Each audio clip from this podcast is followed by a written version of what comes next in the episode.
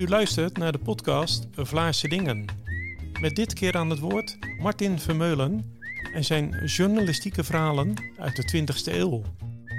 En nu we het toch over Martin Vermeulen hebben, wil ik u ook graag wijzen op zijn boek Verzonken Horizon. De verschijningsdatum daarvan is 4 februari 2024. Binnenkort dus.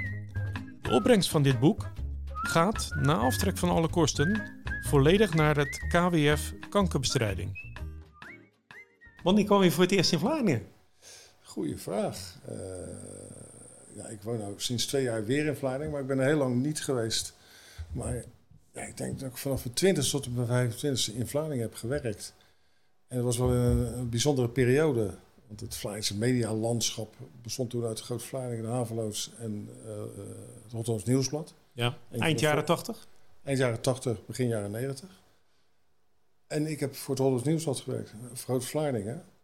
Als, als redacteur, stukjes schrijven, hoe je het maar noemt. En voor de weekendkrant. En dat was een indringer op de Vlaamse mediamarkt in 1990. Initiatief van Dick Hofman, helaas voorjaar overleden, reclameman. En die wilde de concurrentie aangaan met, met de huis- en huisbladen. Om, om daar adverteerders weg te pikken. Om, om zo een uh, succesvol uh, krant op de markt te brengen. En wat was de gedachte daarachter? Achter die weekendkrant? Hoe, hoe anders moest die worden? Nou, Dick, op, op zich zag hij dat wel goed. Hij wilde vooral een krant maken waarin leuke verhalen kwamen. Dus geen politiek, geen politiek gekrakeel, maar gewoon... Uh, de slogan van die krant was ook elke week een prettig weekend. Hij kwam woensdag uit en dan zou het eigenlijk iets moeten zijn wat je in het weekend ook op je gemak ging lezen. Met, met verhalen over, ja, uh, als er een persbericht binnenkwam, ik kan me nog herinneren, ik ben een keer bij de vogelvereniging Icarus geweest. Daar heb ik een hele pagina over geschreven in de kant.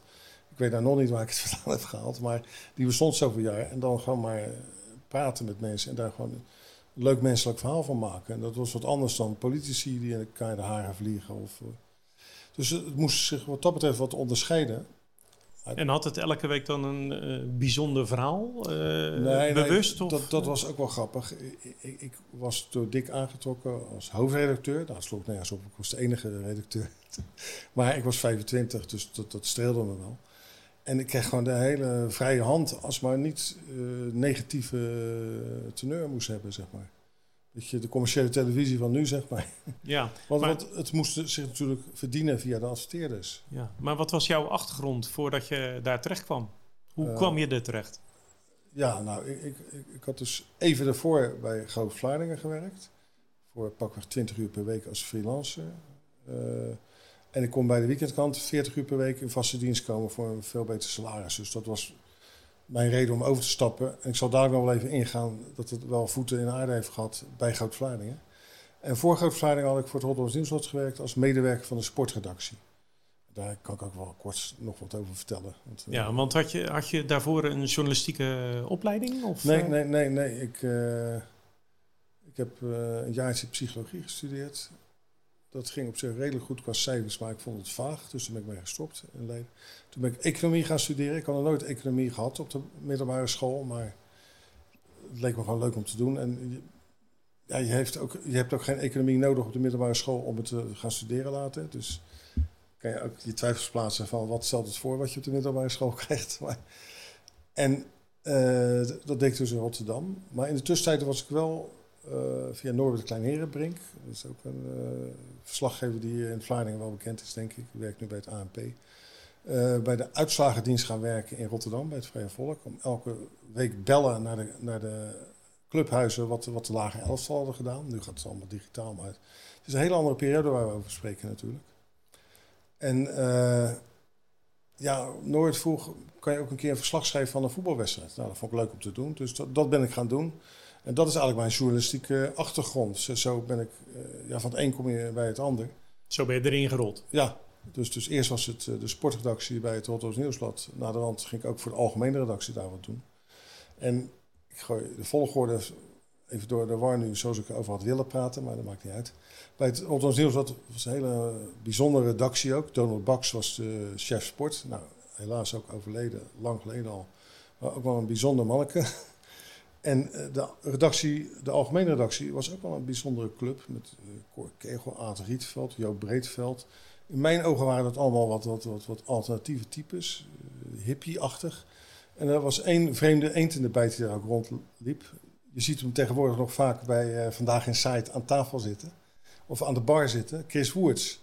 Die werkte toen ook bij, de algemene redactie. En die vond ik een beetje buiten de boot vallen bij die anderen. Wel een heel aardige vent hoor, in mijn herinnering. Maar gold ook voor de anderen. Hoe bijzonder waren ze allemaal? Uh, ja,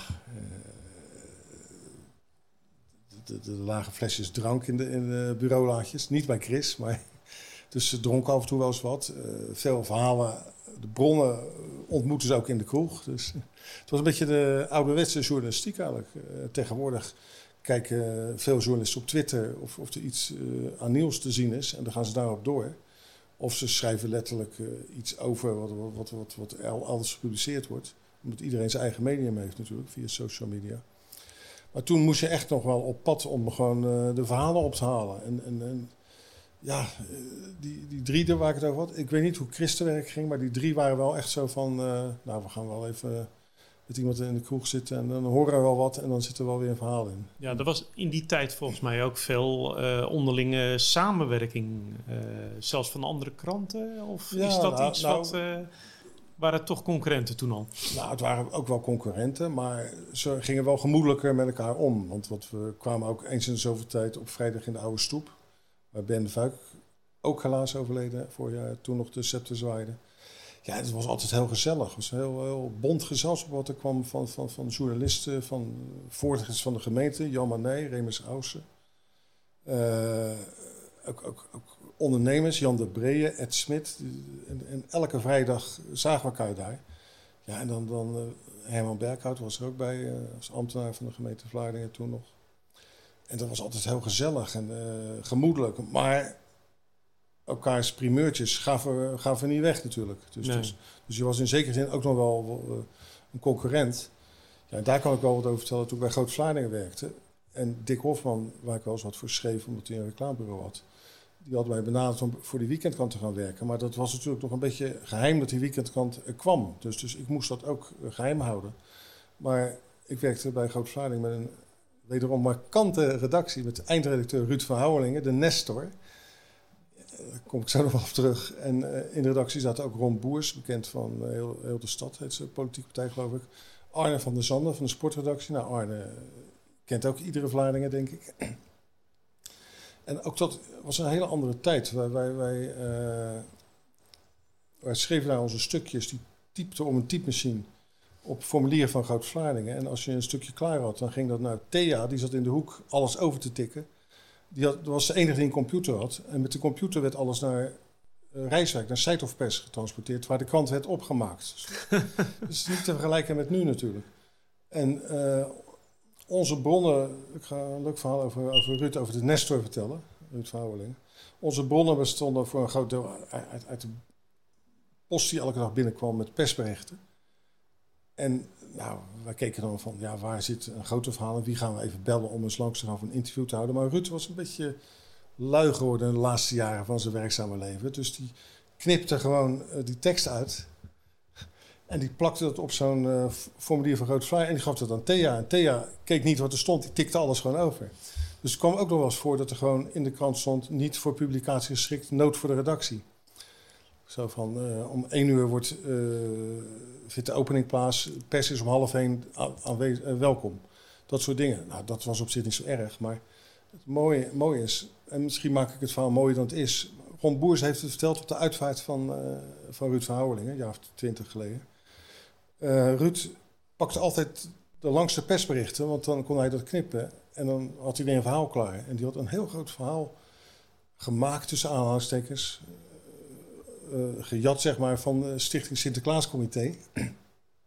over de intocht van Sinterklaas. En ook daar was hij vergeten die nood voor publicatie, of die nood voor de redactie niet geschikt voor publicatie weg te halen.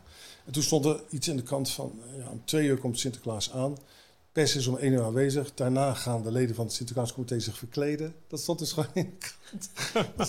stond gewoon in groot Vlaanderen. Dus, ja, en, en, Ruud moest daar dan naderhand ook wel weer een beetje om lachen. Want, want ja, het was een markante man, maar hij was wel heel aardig. Uh, hoewel hij mij wel een keer met de dood bedreigd heeft. Oké. Toen, toen hij wist dat ik naar de weekendkant ging, dat vond hij dus verraad. En uh, ja, we gingen dus regelmatig naar het, uh, de oude stoep, vertelde ik. Maar Ruud uh, zei zelf altijd dat hij er niet in spuugde. Hij lustte wel een drankje. Maar dan had hij ook geen maat. Dus als, als we dan in de oude stoep stonden, sowieso moest je, wist iedereen wel van niet te dichtbij hem staan, want Ruud praat een beetje met consumptie. En als Ruud een kopstoot ging nemen, een jenevertje met een biertje, ja, dan moest je gewoon weg zijn, want dan was hij niet meer te verstaan. En dan was hij ook heel fel in zijn, in zijn discussies waar hij over sprak. Ja, en toen heeft hij mij een keer half mompelend de dood toegewenst, omdat ik naar de weekendkant ging. En ja, nu moet hij heel erg om lachen. Kort daarna ook al hoor, maar ik was toen 5, 26. Dat maakte wel indruk op mij dat mijn baas op vrijdag mij doodwenst en op maandag nergens over sprak. Ja. Hij wist natuurlijk helemaal niet meer dat hij dat gezegd had. Maar nou vertel je over uh, diverse collega-journalisten. Die, die allemaal toch wel wat bijzonders uh, in zich hadden. Maar jij was 5, 26. Toen, ja. Wat heb je daarvan meegekregen? Want volgens mij is dat wel een hele bijzondere leerschool ook gelijk. Ja. Het leven. Nou, zeker. Nou ja, dat, dat, dat het ook een beetje zeg je dat, een nagemaakte wereld is. Hè. Toen ik als, als sportmedewerker begon, dacht ik dat ik heel belangrijk was als ik bij Fortuna Vlaardingen een verhaaltje kon maken. Omdat in de bestuurskamer was iedereen aardig tegen mij. Maar ze wilden natuurlijk vooral dat ik een leuk verhaaltje schreef. Maar dat had ik toen nog niet helemaal door. Dus dat heb ik er wel van geleerd. En nou, uh, ja, ook dat, dat, je, dat je moet proberen dingen zo eenvoudig mogelijk te houden. In hadden we toen een voorlichter, Jan Manet. Ik weet niet of, of die naam uh, jou wat zegt. En die had toen al zoiets van, uh, tegenwoordig beginnen ze over concepten te praten. Ik noem het gewoon een ideetje. Dat, dat, dat zei hij dus. Dus daar maakt hij zich druk om, dat, dat alles tegenwoordig uh, hele ingewikkelde namen heeft of Engelse termen. En ja, houd het gewoon zo simpel mogelijk. En dat, dat heb ik er wel van geleerd. Ik ben naderhand communicatieadviseur geworden. Ik probeer het altijd wel voor ogen te houden van, van, van maak het niet noodloos ingewikkeld. Daarna ben je communicatieadviseur geworden. Hebben die jaren uh, als journalist jou uh, daar behoorlijk in geholpen? Ja, nee, zeker. Want, wat, wat, als communicatieadviseur dan, dan sta je aan de andere kant eigenlijk. Dan heb je met journalisten te maken. En ik wist natuurlijk wel vaak ja, hoe journalisten dachten en hoe dat in zijn werk gaat. Ik heb ook wel meegemaakt dat een wethouder zei van dit mag niet in de krant. Ja, dat bepaalt een wethouder helemaal niet. Dan zei ik ook van, nou, de journalist bepaalt wat er in de krant komt. Dus we kunnen beter kijken hoe, hoe, we met die journalist goede contacten kunnen opbouwen voor de langere termijn. Dat je afspraken kan maken. Dus, dus, dus dat, ik dat, dat ik zelf aan die kant had gestaan, dat heeft wel geholpen om mijn werk daarna uh, beter te doen, denk ik. Ja. ja. ja. Uh, je stapt op een gegeven moment dus over naar de weekendkrant. Ja. daar nog een anekdote van? Ja, of, nou, ik moet eerst nog één verhaal over Ruud vertellen. Ook weer op zo'n vrijdag had Ruud uh, een paar kopstootjes op, dus dan weet je wel hoe laat het is. En uh, hij had in ieder geval wel besloten om niet meer naar huis te rijden. Dat was niet verstandig geweest. Dus, dus Ben Vuik had volgens mij een taxi gebeld. En de taxichauffeur die kwam hem halen. En heel klantvriendelijk liep die taxichauffeur. Het was op een mooie zomerse dag. Dus de terrassen zaten allemaal vol. En hij had de taxi voor de oude stoep geplaatst. En de taxichauffeur liep voor Ruud uit, klantvriendelijk naar de passagiers toe om die open te doen. Maar Ruud, die kwam aanhobbelen en uh, ook mee door zijn gewicht. Hij, hij liep nogal vreemd, dus, dus, dus, iedereen zag dat een beetje gebeuren. En die ging achter het stuur zitten. Die deed zelf de deur open van... en toen moest hij... En het hele terras zat vol. En toen moest die taxichauffeur Ruud uit die, uit die auto krijgen. Wat niet zo makkelijk was, want hij had zoiets van... Ja, ik zit toch. En ik rij wel naar huis. Dus, dus, ja, dus we hebben met, met, met die Ruud wel heel wat meegemaakt. Maar het was eigenlijk gewoon een hele ontzettend lieve man. Maar uh, ja, hij zat gewoon in zijn laatste jaren. En uh, ik, ja, hij was gewoon aan het uh, afbouwen, denk ik. en bij de weekendkrant ja, was het wel een stuk, in die, in, die, zin een stuk serieuzer. maar ik weet er wel een mooi verhaal wat te maken heeft met de introductie. we zouden in september ergens op een woensdag voor het eerst verschijnen. En we dachten, dan moet er wel wat, wat, wat, wat, op de mat vallen, zeg maar. Dus, dus we hadden die kant gewoon gemaakt. Alleen de foto op de voorkant moest, moest echt een eye-catcher zijn. Uh, nou, ik had gezien dat drukwerk was toen heel populair. Amsterdamse band, Harry Slinger, je loog tegen mij. Die traden op in de Stadschoorzaal. En wij zaten op de Schiedamse weg schuin tegenover de Stadschoorzaal. Dus ik had met management gebeld van drukwerk. Of zij gewoon wilden poseren met wat van die dummies, van die nulnummers van die, van die krant. Dat leek ons een leuke eyecatcher. Nou, uh, management vond het prima. Dat als ze tijdens de soundcheck even dan zouden stoppen, ze, wilden ze wel doen. Uh, laten we zeggen dat ik om een uur of drie had afgesproken. Alleen, we werkten bij de weekendkrant samen met Rob Carré. Dat was een fotograaf. Die had toen ook nog een fotozaak in Besluis. Rob, ontzettend aardige vent. Heel veel lol met hem gehad. Maar Rob had één eigenschap. Hij kwam altijd te laat. altijd. Overal. Dus, dus ik had hem echt op hart gedrukt. Je moet echt op tijd komen, want die jongens staan te repeteren. Die gaan niet de hele tijd wachten tot jij een keer langskomt. Dus ik liep kwart voor drie, geen risico nemen naar de overkant. En Rob zat er al, dus, dus alles zag er goed uit. Dus wij, uh, begeleid door iemand van het Stadsgehoorzaal. Ik geloof dat toen Putman zelfs nog directeur was. Uh, de man die uh, door toedoen van Patrick Kluivert om het leven gekomen is. Of anders Sander Gora, was voor mij zijn opvolger. En dus wij werden begeleid naar de jongens van drukwerk. Nou, even kennis gemaakt. En toen zouden we op een andere plek de foto maken. Toen liepen we door die coulissen, het was donker. Toen stootte die Harry Slinger nog zijn hoofd. bloedde als een rund. En vloeken als... Uh, nou, ik kan het niet herhalen wat hij allemaal zei, maar... Dus dat was allemaal niet zo positief. Maar ja, dat werd opgelost. Hij kreeg een pleister op zijn hoofd. En uh, toen hebben ze geposeerd met de fabrikanten. Die gooiden ze in de lucht, geloof ik. Nou, iedereen tevreden, hè, dachten we.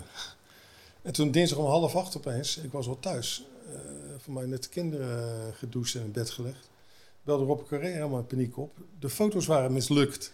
Ja, het was een andere tijd. Hè?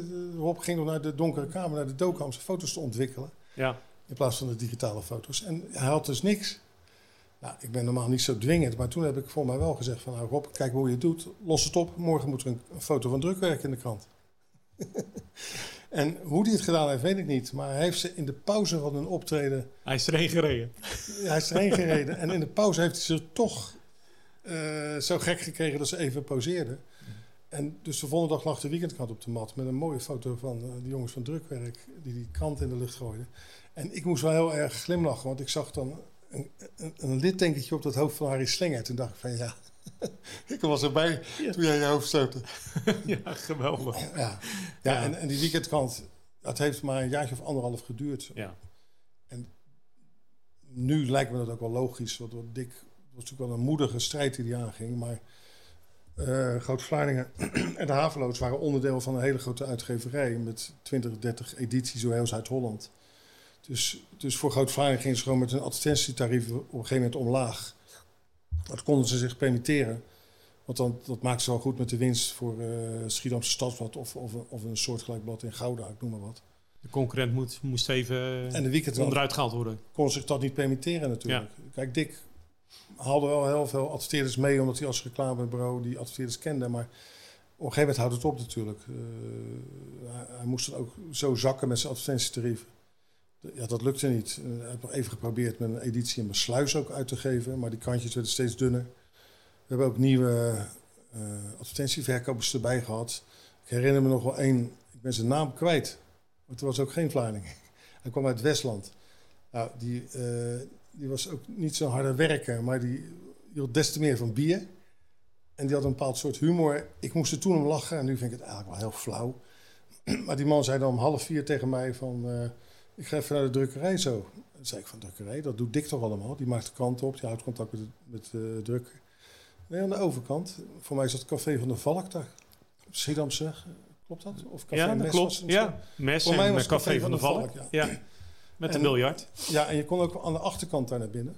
Dus hij reed dan helemaal om met zijn auto en ging naar de achterkant. En dan zaten wij te werken aan de ene kant. En hij zat gewoon zijn snor te drukken. Daarom noemde hij het de drukkerij. Ja.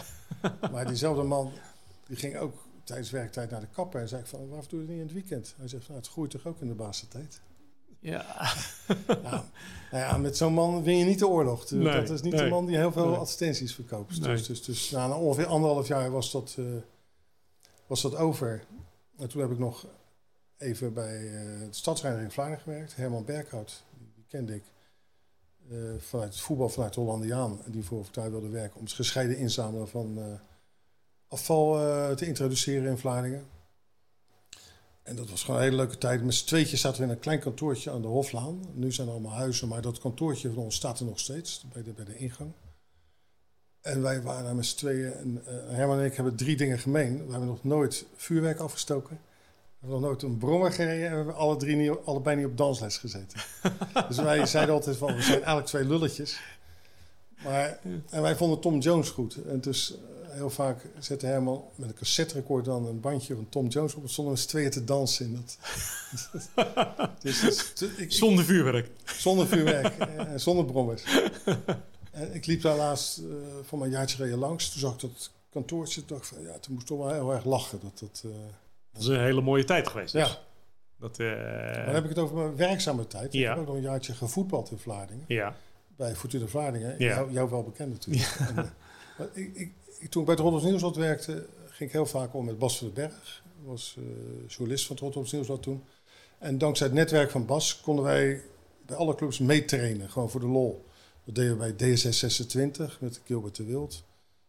maar ook bij voetbalvereniging Schiedam in Schiedam, FC Nieuwland. We zijn nog een keer een weekend mee geweest met Satelliet. Allemaal clubs die niet meer bestaan. En we trainden ook mee met Fortuna Vlaardingen. Via jouw vader Jan was dat uh, contact tot stand gebracht. en dat vond ik zo leuk dat ik daar een jaartje mee gaan voetballen. In het tweede kwam ik toen en jouw vader was trainer. Nou, ik hoef jou niet te vertellen dat jouw vader een lieve man is. maar ook bloedfanatiek. ja. En uh, als ik aan die, die, omschrijving denk, komen twee beelden naar voren. Dat lieve, dat, dat, dat, dat zie ik terug in gedachten. Als we na de wedstrijd een biertje aan het drinken waren... en stond hij in een hoekje, ook met een biertje in zijn hand... een ander biertje op de bar en met rode koontjes, ondeugde oogjes... Zat hij een beetje mee te lachen, mee te praten met iedereen. Dat, dat, dat, dat, dat vond ik een mooi beeld. Het fanatieke, ja, dat was natuurlijk elke zondag. Maar ik heb een ander verhaal waaruit het fanatieke blijkt. Een bizar verhaal. Ik ging met Bas een keer hardlopen in de Boekpolder. kwamen we je vader tegen, die was ook wat hardlopen. En hoe het is gegaan, weet ik niet. Maar tien minuten later liepen Bas en ik sprintjes te trekken. Met je vader schreeuwend van, kom op, hup, gaan. Dus blijkbaar had hij ons voorgesteld van, willen jullie even op snelheid trainen? En ja, te gek voor woorden natuurlijk dat je terwijl je, Twee gewoon, journalisten terwijl je, gewoon rustig, terwijl je gewoon rustig wil trainen, loop je ineens sprintjes te trekken. en, ja, dus uh, dat was wel mooi. Het was een leuk jaartje bij Fortuna, maar ik, ik woonde toen in Rotterdam-West, had geen auto, dus uh, heel het heen en weer rijden was, was best wel een opgave. Maar je hebt in ieder geval uh, een paar jaar in Vlaardingen doorgebracht. Ja, en nu woon ik er weer. En nu woon je er weer. twee jaar. Dus, uh, het was ook wel grappig, toen ik hier twee jaar geleden kwam wonen, dacht ik van nou, ik ga gewoon allemaal Vlaardingen. Ik ga Vlaardingen herontdekken. Allemaal herinneringen komen van boven uh, toen. Nou, de, de, ja, er is even wat tussen gekomen. Ik had, ik had gewoon graag gewoon een hele wandeling willen maken. En dan bij allerlei kroegen gewoon eens even gaan zitten op het terras. Biertje drinken. Dus, dus, ik doe het vooral met die, met die herinneringen. Dat is hartstikke fijn. Ja, het, want Vlaardingen vind je wel iets hebben? Ja, nee, zeker. Ja. Mijn lievelingsplek van Vlaardingen is de Broekpolder. Daar ben ik al die jaren nog wel vaak geweest. Omdat ik op een gegeven moment fanatiek ben gaan hardlopen. Marathons ben gaan lopen. En toen ging ik vanuit Schiedam naar Vlaardingen naar de Boekpolder. Ja, dat is natuurlijk een fantastische plek om, om te recreëren, om, om, om te lopen en uh, ja, ook om te wandelen. Dus, uh, ja, en de, de Westhavenkade is ook bekend voor je. Ja, ja zeker van vroeger, maar ook nu nog. Dus. Maar het Vlaardingen Centrum vind ik ook gezellig. Ik ga woensdag en zaterdag vaak naar de markt, visje halen. Dus uh, ik vind Vlaardingen een hele leuke stad. En waar ik nu woon is het rustig, maar als ik wil ben ik toch redelijk snel in het centrum. En Martin, en uh, ja, dan toch nog even die laatste vraag. Wat is nou die Vlaardingse opening in jouw schaakspel? Ja, eigenlijk zou iedereen uh, mij dan eens een keer moeten uitdagen om te gaan schaken. Dat zal ik wel laten zien. Maar ja, het is een hele verrassende opening. Waar, waar ik eigenlijk niet zoveel over wil zeggen. Maar nee. ik denk, denk, dat je de. je houdt het voor jezelf dus. Ik denk dat je het potje ja. verliest als je als je, de verkeerde zet. Uh, ja, als, ik met de als ik met wit ben en met de Vlaarse opening mag beginnen, dan uh, is je lot bezegeld, denk ik. Oké, okay. nou, uh, ik denk dat wij binnenkort eens een keer moeten spelen dan. Ja, dan speel ik met zwart. Oké, okay, nou dan ga je het meemaken. Oké. Okay. Hey, hartstikke bedankt, Martin. Ja, mooie verhalen. ik heb al gezegd dat ik het een eer vond om als geboren en getogen mee te werken aan deze podcast. Ja, en of die verhalen nou zo interessant zijn, weet ik niet. Je moet er vooral bij geweest zijn, maar er komen heel veel namen langs waarbij mensen wel een glimlach naar boven kunnen halen, denk ik. Absoluut. En uh, heel leuk om te horen van je. En uh, dankjewel. En, Geen dank. En alles Succes met de podcast. Ja. En jij al het goeds. Ja, dank je.